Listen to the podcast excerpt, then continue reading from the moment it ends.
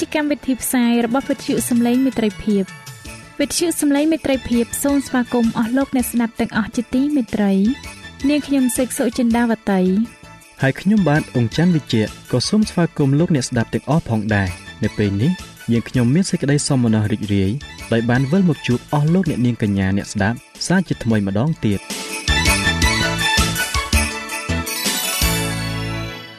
នាងខ្ញុំសេកសុចិន្តាវតី សូមជម្រាបជូនកម្មវិធីផ្សាយដែលមានជាបន្តបន្ទាប់ដូចតទៅនេតិបទទំនាយនិងប្រវត្តិសាស្ត្រនេតិស្ពានជីវិត ចា៎លោកអ្នកស្ដាប់ជាទីមេត្រី នាងខ្ញុំសូមគោរពអញ្ជើញអស់លោកលោកស្រី អ្នកនាងកញ្ញាតាមដានស្ដាប់កម្មវិធីផ្សាយរបស់វិទ្យុយើងខ្ញុំដូចតទៅ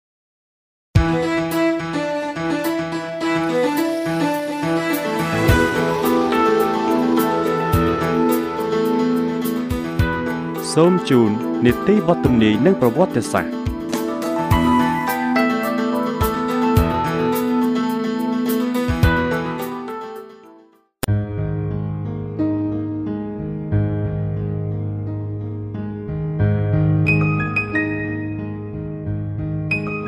ខ្ញុំបាទសូមជម្រាបសួរដល់អស់លោកលោកស្រី និងប្រិយមិត្តអ្នកស្ដាប់វិទ្យុសំឡេងមិត្តភាពជាទីមេត្រីខ្ញុំបាទសូមឲ្យលោកអ្នកបានប្រកបដោយព្រះគុណនិងសេចក្តីសុខសាន្ត អំពីព្រះវរបិតានិងពីព្រះអម្ចាស់យេស៊ូវគ្រីស្ទតាមរយៈមេរៀននៅថ្ងៃនេះសម្រាប់នេតិបទទំនាយនិងប្រវត្តិសាស្ត្រនៅថ្ងៃនេះខ្ញុំបាទសូមលើកយកចម្ពោះទី16ដែលមានចំណងជើងថាបិតានៃធម្មយាត្រា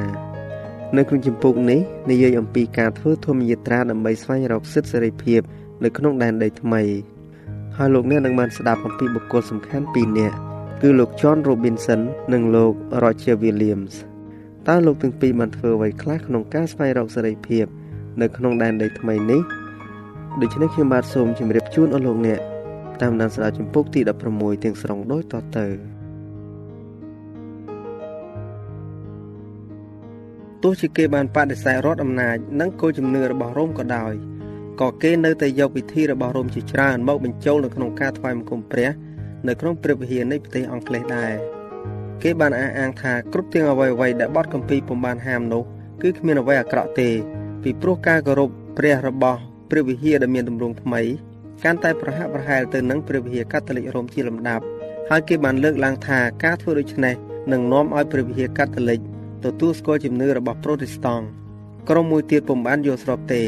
ពួកគេបានចាត់ទុកទំនៀមទម្លាប់ទាំងនេះថាជាផ្លាកទាសស្ករដែលគេធ្លាប់ពាក្យពីមុនមក ពួកគេបានឲ្យហេតុផលថា ព្រះបានតាំងនៅក្នុងព្រះបន្ទូលរបស់ទ្រង់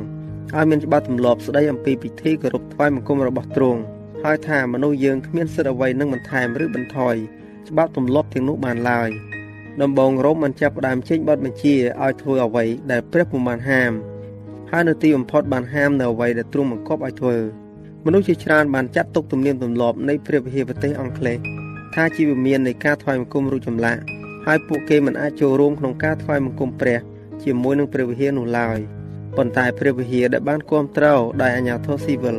និងមិនអនុញ្ញាតឲ្យមានដំណើរខ្វែងយោបល់គ្នាឡើយគេបានហាមមិនឲ្យប្រជុំដោយគ្មានការអនុញ្ញាតដោយមានការចាប់ដាក់គុកឬការបណ្តេញចេញពីស្រុកឬមរណភាពជាពិន័យដោយមានការដេញចាប់ការធ្វើទុកបុកម្នេញនិងការចាប់យកទៅដាក់ពន្ធនាគារទៀតផងនោះពួកអ្នកបរិសុទ្ធនិយមគ្មានសង្ឃឹមថានឹងមានថ្ងៃបានធូរស្បើយឡើយខ្លះបដិញ្ញាទៅរក ជ្រកកោននៅប្រទេសហូឡង់តែត្រឡប់ជាធ្លាក់ទៅក្នុងកណ្ដាប់ដៃនៃពួកខ្មាំងសត្រូវរបស់ខ្លួនវិញដោយសារតែគេក្បត់ប៉ុន្តែការតស៊ូដ៏ខ្លាំងក្លាបានធ្វើឲ្យពួកគេមានជ័យជំនះនៅទីបំផុតហើយពួកគេបានរកឃើញទីជម្រកនៅលើកោះត្រោយដ៏ប្រកបដោយមេត្រីភាពគេបានចាក់ចេញពីផ្ទះនិងផ្លូវជីវិតរបស់ខ្លួនពួកគេជាជនចម្លែកនៅក្នុងទឹកដីចម្លែកហើយត្រូវពុះពៀគ្រប់ឧបសគ្គដើម្បីបំពន់ជីវិតរបស់ខ្លួន គេពុំបានចាត់ទុកពេលវេលាឲ្យកន្លងផុតទៅនៅស្ងៀម ឬរវល់តិចតួចឡើយគេបានថ្លែងអំណរគុណដល់ព្រះ ចំពោះព្រះពរដែលបានប្រទានដល់ខ្លួន ហើយបានអររីករាយនៅក្នុងការប្រកបខាងប្រលឹងវិញ្ញាណដោយគ្មានអំពើព្យាបាទព្រះគ្រប់គ្រងលើព្រឹត្តិការណ៍ទាំងឡាយនៅពេលដែលប្រហោះរបស់ព្រះហាក់បីដូចជាតម្រង់ពួកគេឲ្យឆ្លងកាត់សមុទ្រឆ្ពោះទៅទឹកដីមួយដែលគេអាចចែកសេរីភាពខាងសាសនា ជាគេមរតកដល់កូនចៅរបស់ខ្លួននោះ គេក៏បានធ្វើដំណើរទៅ តាមកន្លងផ្លូវនៃសេចក្តីថ្នាក់ថ្នមរបស់ព្រះ ការបៀតបៀននិងការបណ្ដេញចេញពីស្រុក បានបើកផ្លូវឲ្យមានសេរីភាពទៅវិញ នៅពេលគេបង្ខំឲ្យបំបែកចេញពីព្រះវិហារអង់គ្លេសជាលើកដំបូងពួកគេបានរួមសាមគ្គីគ្នាដោយដាក់សេចក្តីសញ្ញាមួយថាជារាជសេរីភាពរបស់ព្រះដើម្បីដើរទាំងអស់គ្នាទៅក្នុងផ្លូវរបស់ទ្រង់ដែលខ្លួនស្គាល់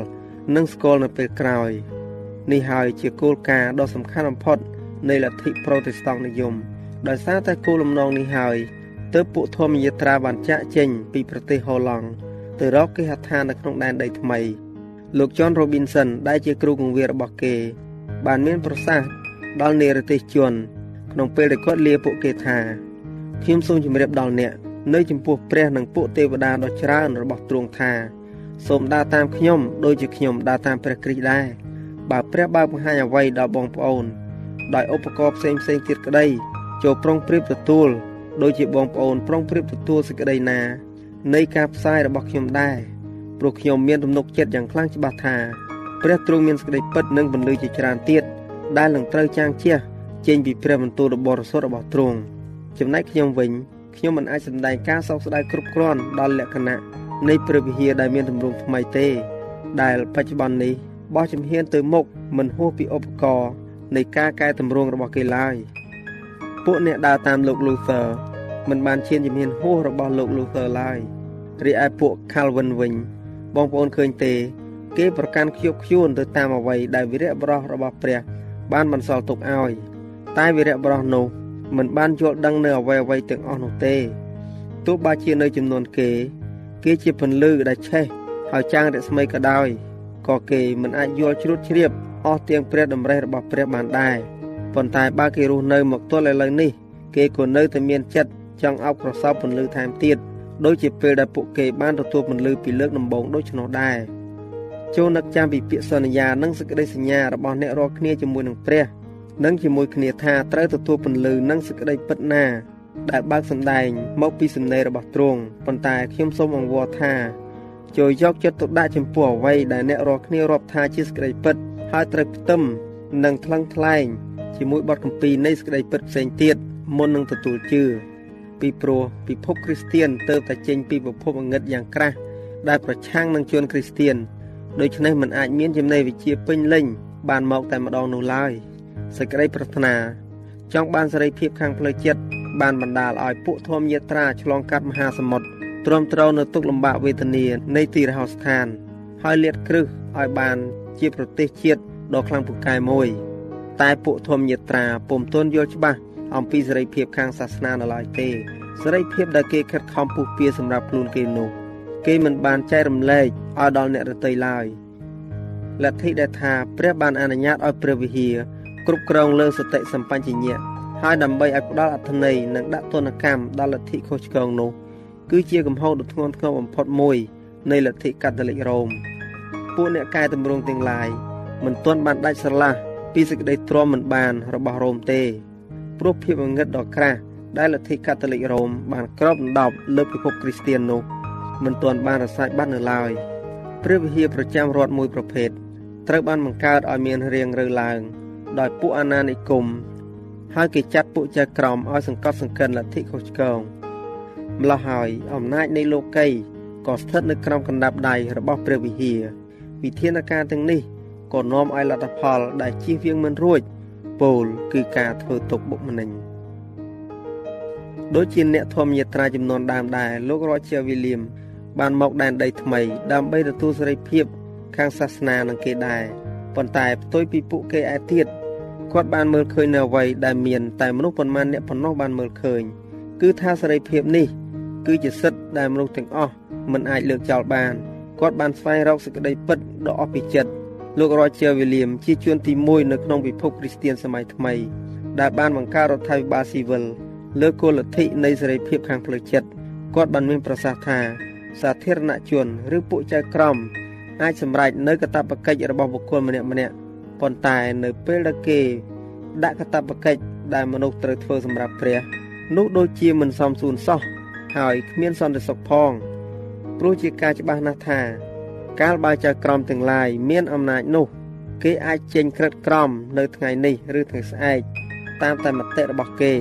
ឬតាមតែជំនឿរបស់គេដោយដែលបានប្រព្រឹត្តនៅក្នុងប្រទេសអង់គ្លេសដោយពួកក្សត្រានិងពួកក្សត្រីនិងដោយសម្ដេចសង្ឃនិងក្រុមប្រឹក្សាទាំងឡាយនៅក្នុងព្រះវិហារកាតូលិករ៉ូមយ៉ាងដូចនោះដែរជួនគ្រប់រូបត្រូវអញ្ជើញទៅព្រះវិហារដែលបានតាំងឡើងនោះបើពុំនោះគេនឹងទទួលពិន័យឬចូលពន្ធនាគារលោកវីលៀម បានចាត់ទុកថាការបង្ខំមនុស្សឲ្យរួបរวมជាមួយនឹងជនដែលមានគោលលទ្ធិខុសគ្នា គឺជាការរំលោភសិទ្ធិដោយមិនបិទមុខដល់លទ្ធិធម្មជាតិរបស់ខ្លួន ការអូសទាញអ្នកមិនជឿនិងអ្នកអត់មានចិត្តចង់ឲ្យគេទៅគោរពថ្វាយបង្គំជាសាធារណៈនោះគឺហាក់បីដូចជាទៀមទាយកភាពពុទ្ធបុត្រហើយគាត់បានបន្ថែមទៀតថាគ្មានអ្នកណាមួយត្រូវថ្វាយបង្គំព្រះឬនៅតែគោរពថ្វាយបង្គំទាស់នឹងទំនឹងចិត្តរបស់ខ្លួនឡើយ គេបានគោរពលោក Roger William ជាខ្លាំងប៉ុណ្ណឹងហើយគេនៅតែមិនទ្រាំទ្រដល់ការដែលគាត់ទៀមទានៅសេរីភាពខាងសាសនាទៀតដើម្បីជៀសវាងមិនឲ្យគេចាប់ខ្លួនបានគាត់ក៏ត្រូវភៀសខ្លួនឆ្លងកាត់ព្យុះនិងខ្យល់រងាចូលក្នុងព្រៃដែលគ្មាននរណាលុកលុយពីមុនគាត់បានមានប្រសាសន៍ថាអស់14សប្តាហ៍ដែលខ្ញុំបានរងទុក្ខវេទនានៅក្នុងរដូវដនដរធាននេះខ្ញុំមិនដែលដឹងថាមាននំប៉័ងឬក្រែដេកនៅឯណាផង ប៉ុន្តែសត្វក្អែកបានឲ្យចំណីខ្ញុំក្នុងវាលហោស្ថាន ហើយជាញឹកញយខ្ញុំយករោងឈើធ្វើជាចម្រោកគាត់បានបន្តដំណើរគិតខ្លួនដល់វេទនានោះ កាត់ទឹកកកដែលធ្លាក់កាត់ព្រៃឥតដាន រហូតដល់រកឃើញចម្រោកជាមួយនឹងកុលសម្ព័ន្ធឥណ្ឌាមួយ ដែលទុកចិត្តនឹងអាណិតគាត់គាត់បានក្រាលគ្រឹះនៃដំណាក់កាលទី1ក្នុងសម័យថ្មី ដែលទទួលស្គាល់លទ្ធិដែលថា មនុស្សគ្រប់រូបគួរមានសេរីភាពនិងគោរពព្រះតាមតែពន្លឺនៃសម្បញ្ញៈរបស់ខ្លួនកោះរ៉ូតដែលជារដ្ឋតូចមួយរបស់គាត់បានរីកចម្រើនឡើងរហូតដល់គោលការណ៍ជាគ្រឹះនោះគឺសេរីភាពខាងសាសនានិងស៊ីវិលបានក្លាយទៅជាមូលដ្ឋាននៃសាធារណរដ្ឋអាមេរិកសេចក្តីប្រកាសពីឯករាជ្យនៃជនជាតិអាមេរិកបានថ្លែងថា យើងកាន់សេចក្តីពិតទាំងនេះជាភស្តុតាងជាក់ស្ដែងថាមនុស្សទាំងអស់ ដែលបានបង្កើតមកមានភាពស្មើគ្នាថាព្រះដ៏ជាអ្នកបង្កើតបានប្រទានដល់គេនៅសិទ្ធិខ្លះខ្លះដែលមិនអាចលើកចោលបាន ថាក្នុងចំណោមសិទ្ធិទាំងនេះ គឺមានជីវិតសេរីភាពនិងការសង្វេគចង់បានសុភមង្គលរដ្ឋធម្មនុញ្ញធានានៅភាពមិនរំលោភសតិសម្បញ្ញៈថារដ្ឋសភាមិនត្រូវបង្កើតច្បាប់ដែលតាក់ទងទៅនឹងការបង្កបង្កើតសាសនា ឬហាមឃាត់មិនឲ្យអនុវត្តសាសនានោះឡើយ។ ពួកអ្នកក្រងរដ្ឋធម្មនុញ្ញដឹងពីគោលការណ៍ដ៏អស្ចារ្យជានិច្ចថាទំនាក់ទំនងរបស់មនុស្សជាមួយនឹងព្រះរបស់គេ គឺហួសពីច្បាប់ដែលមនុស្សបង្កើតទៅទៀតហើយសិទ្ធិខាងផ្លូវចិត្តរបស់គេ គឺមិនអាចដកចេញពីគេបានឡើយគឺជាគោលការណ៍ដែលមានមកពីកំណើតដែលគ្មានអ្វីអាចបំបត្តិឲ្យសូន្យបានឡើយដំណឹងក៏បានលឺសុសសាយទៅដល់អឺរ៉ុបនៅក្នុងទឹកដីដែលមនុស្សគ្រប់រូបអាចគប់ចិត្តនឹងផលផ្លែនៃពលកម្មរបស់ខ្លួន ហើយនឹងស្ដាប់តាមសតិសម្បញ្ញៈរបស់ខ្លួន មនុស្សរាប់ពាន់នាក់បានប្រមូលគ្នាមកឯដែនដីថ្មី20ឆ្នាំបន្ទាប់ពីបានជន់លើទឹកដីជាលើកដំបូងនាទីក្រុងផ្លៃម៉ៅមកគឺនៅឆ្នាំ1620មានពួកធម្មយាត្រារាប់ពាន់នាក់បានមកតាំងទីលំនៅនៅក្នុងប្រទេសអង់គ្លេសថ្មី គេមិនទាន់បានសុំអ្វីពីដី ក្រៅពីផលដ៏សមគួរនៃការកម្ចាយញើសរបស់ខ្លួនទេ គេបានតស៊ូទ្រាំនឹងភាពខ្វះខាត នៃវាលរហោស្ថានយ៉ាងអត់ធ្មត់ស្រោចដើមឈើនៃសេរីភាពដោយទឹកភ្នែករបស់ខ្លួន ហើយនឹងដោយញើសដែលចេញពីថ្ងាសរបស់ខ្លួនលុះដើមឈើនោះបានចាក់ឫសយ៉ាងជ្រៅទៅក្នុងដីសេចក្តីការពារដ៏ពិតប្រាកដនៃជាតិសាសន៍ដ៏ឆ្នើមមួយគេបានបង្រៀនកន្លងធរនៃព្រះគម្ពីរនៅក្នុងផ្ទះសាលានិងព្រះវិហារផលផ្លែដែលបានបង្ហាញឲ្យឃើញនៅក្នុងការព្រឹត្តព្រៀនបញ្ញាភាពបរិសុទ្ធនិងការប្រមាណអស់រយៈពេលរាប់ឆ្នាំ មិនមាននរណាម្នាក់ឃើញមនុស្សប្រមឹកឬឮពាក្យជេរប្រមាថគ្នាឬជួបអ្នកសុំទានឡើយកន្លងធននៃព្រះគម្ពីរគឺជាសក្តីការពារដ៏ពិតប្រាកដនៃជាតិដ៏ឆ្នាំនេះចា៎ដោយពេលវេលាមានកំណត់យើងខ្ញុំសូមអនុទីបទទំនាយនិងប្រវត្តិសាស្ត្រត្រឹមតែប៉ុណ្ណឹងសិនចុះដោយសន្យាថានឹងលើកយកនីតិនេះមកជម្រាបជូនជាបន្តទៀត នៅថ្ងៃអង្គារសប្តាហ៍ក្រោយ សូមអរគុណ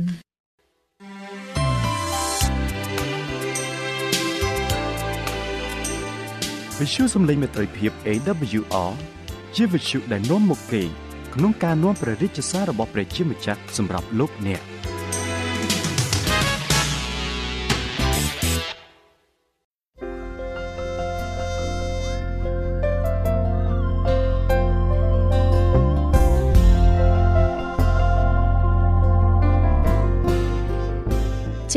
ជាបន្តទៅទៀតនាងខ្ញុំសូមគោរពអញ្ជើញអស់លោកអ្នកតាមដានស្ដាប់នេតិស្ពានជីវិត ដែលនឹងជម្រាបជូនដល់លោកហងទុនហៀបដូចតទៅខ្ញុំបាទហងទុនហៀបសូមជម្រាបសួរអស់លោកអ្នកស្ដាប់ជាទីមេត្រីសូមឲ្យលោកអ្នកបានប្រកបដោយព្រះគុណនិងសេចក្តីសុខសាន្តពីព្រះដ៏ជាព្រះវរបិតានៃយើង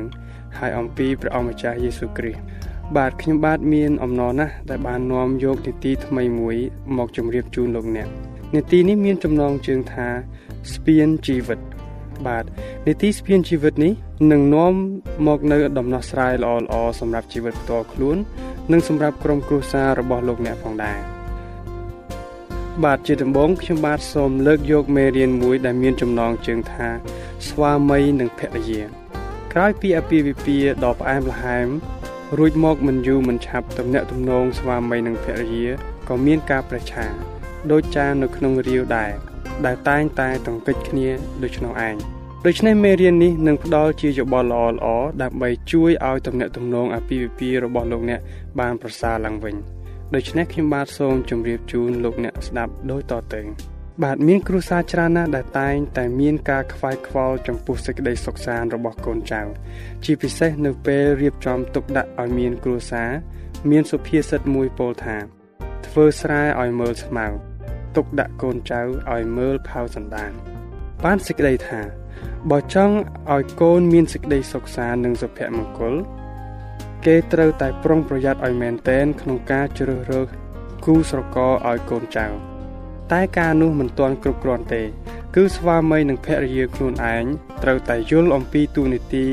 និងភារកិច្ចរបស់ខ្លួនឲ្យច្បាស់ផង បាទតើទូនីតិរបស់ស្វាមីនិងភរិយាមានអ្វីខ្លះខ្មែរយើងធ្លាប់និយាយតតគ្នាមកថា សំណាបយោងដីស្រីយោងប្រុសបានន័យថា ស្រីជាជំនួយដល់បរោះក្នុងការជួយលើកស្ទួយបរោះឲ្យមានមុខមាត់បនស័កសេចក្តីសុខសាន្តឬភាពថ្លៃថ្នូរ រីឯបរោះក៏ជាប្រមុខនៃគ្រួសារដែលជាអ្នករោគសុភមង្គលសេចក្តីសុខសាន្តនិងចិញ្ចឹមបីបាច់គ្រួសារតាមពិតបរោះនិងស្ត្រីដែលជាស្វាមីភរិយា មានតួនាទីសំខាន់ដូចគ្នា ក្នុងការគ្រប់គ្រង និងលើកស្ទួយក្រុមគ្រួសារបាទតួនាទីរបស់ស្វាមីតើលោកជាស្វាមីមានតួនាទីអ្វីខ្លះដល់ក្រុមគ្រួសារនិងភរិយារបស់ខ្លួន គ្រួសារខ្មែរយើងតែងតែឲ្យតម្លៃទៅលើបរិះថា ជាមេគ្រួសារតើមេគ្រួសារនេះ មានសិទ្ធិធ្វើអ្វីអ្វីស្រេចតែនឹងចិត្តឬតើមេគ្រួសារនេះ មានសិទ្ធិសម្លុតកំហែងគំរាម ឬវាយតប់ប្រពន្ធកូនតាមចិត្តឬយ៉ាងណាឥឡូវចូលយើងសាកល្បងសិក្សាពីរបៀបដែលព្រះបានបង្កើតបរិះនិងស្ត្រីជាដំបូងមើលដើម្បីឲ្យដឹងថា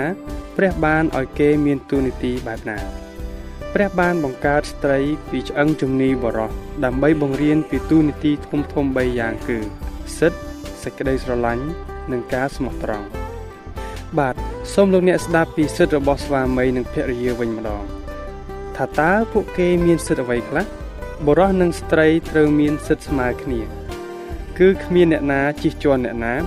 ឬមើលងាយអ្នកណាឡើយព្រោះព្រះបានដកយកឆ្អឹងជំនី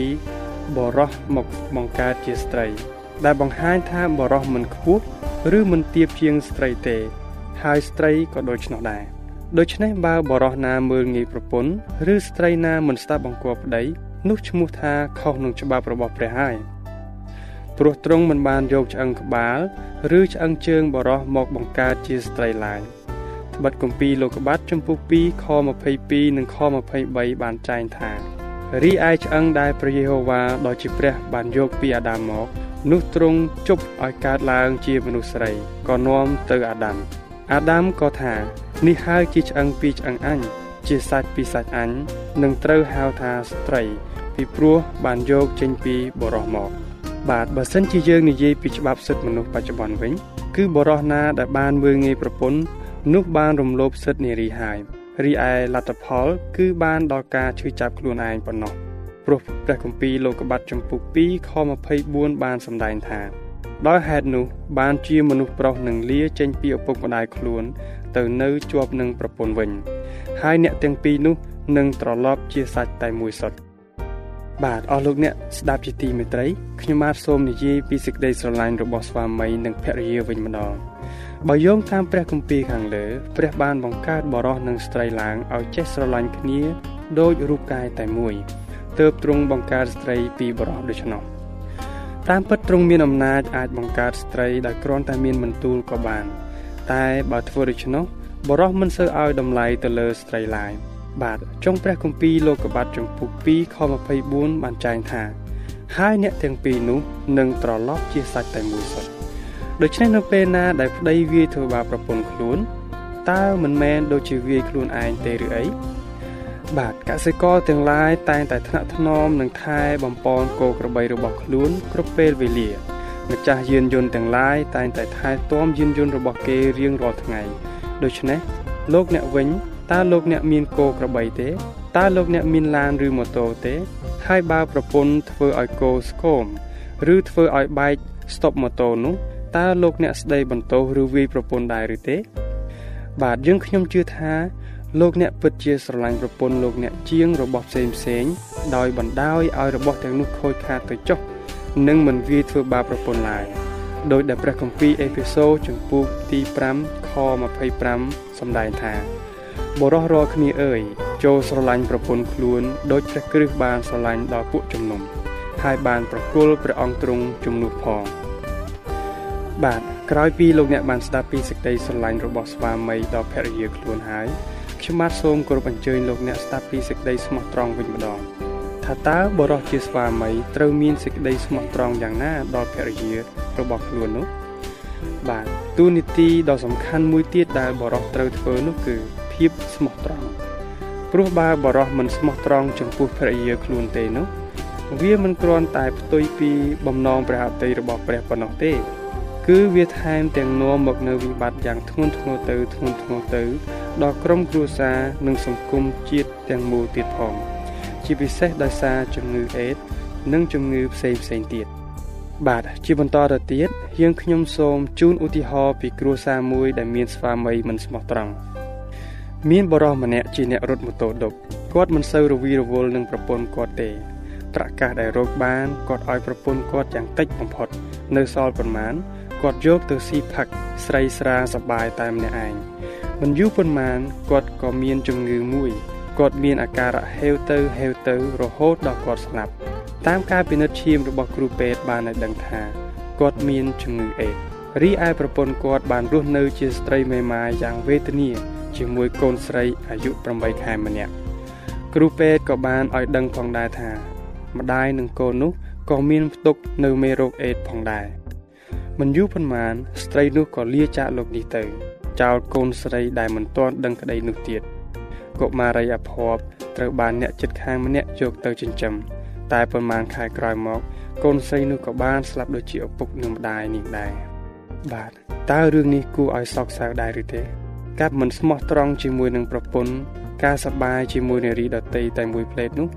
វាហាក់ដូចជាការលោតចូលទៅក្នុងរណ្ដៅភ្លើង ទាំងគ្រួសារដូច្នោះដែរ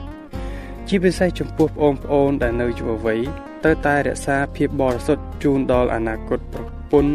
ជាទីស្រឡាញ់របស់អ្នកព្រោះបើអ្នកទៅរួមរស់ជាមួយស្រីក្រមុំណាម្នាក់មុនរៀបការទោះបីអ្នកនៅតែយកនាងនោះធ្វើជាប្រពន្ធនៅថ្ងៃក្រោយក៏ដោយក៏អ្នកបានបង្ខូចគេឈ្មោះនាងនិងគ្រួសារនាងដែរតែបើអ្នកមិនបានរៀបការជាមួយនាងវិញអំពើនេះនឹងคล้ายទៅជាអនុស្សាវរីយ៍ដ៏ជូរចត់មួយសម្រាប់ជីវិតនាងនិងរូបអ្នកផ្ទាល់ រហូតមិនអាចលុបបំបាត់បានឡើយជាពិសេសនៅពេលដែលអ្នកឬនាងមានគ្រួសាររៀងៗខ្លួន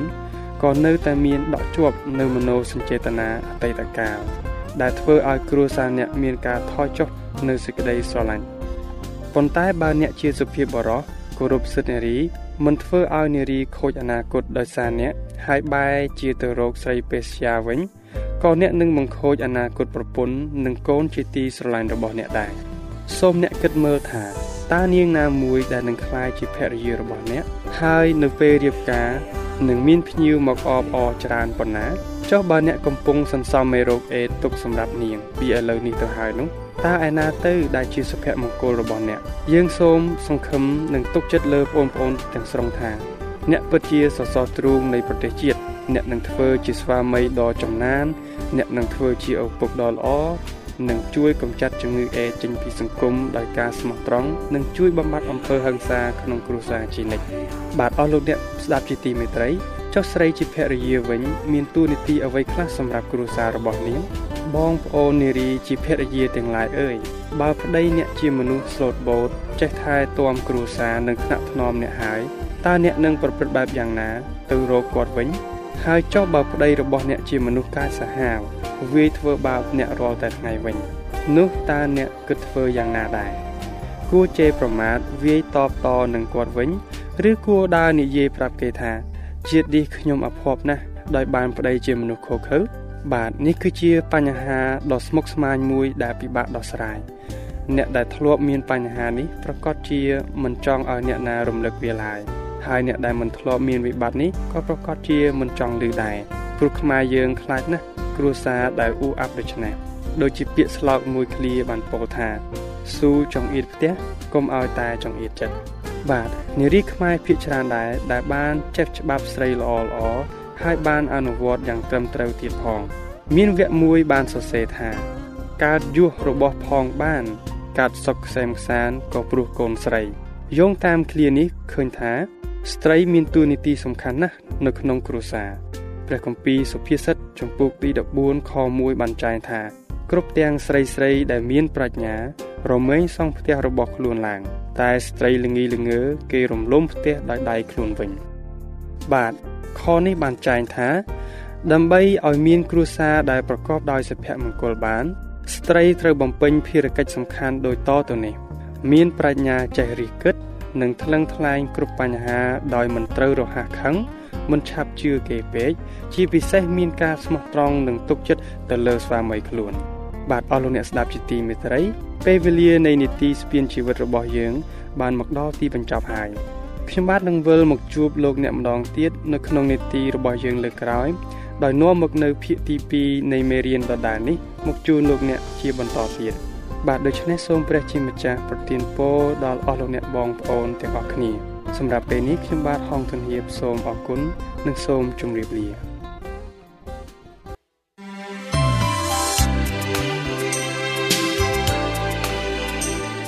វិទ្យុសំឡេងមេត្រីភាព AWR មានផ្សាយពីរដងក្នុងមួយថ្ងៃ គឺព្រឹកនៅម៉ោង6និងពេលយប់នៅម៉ោង8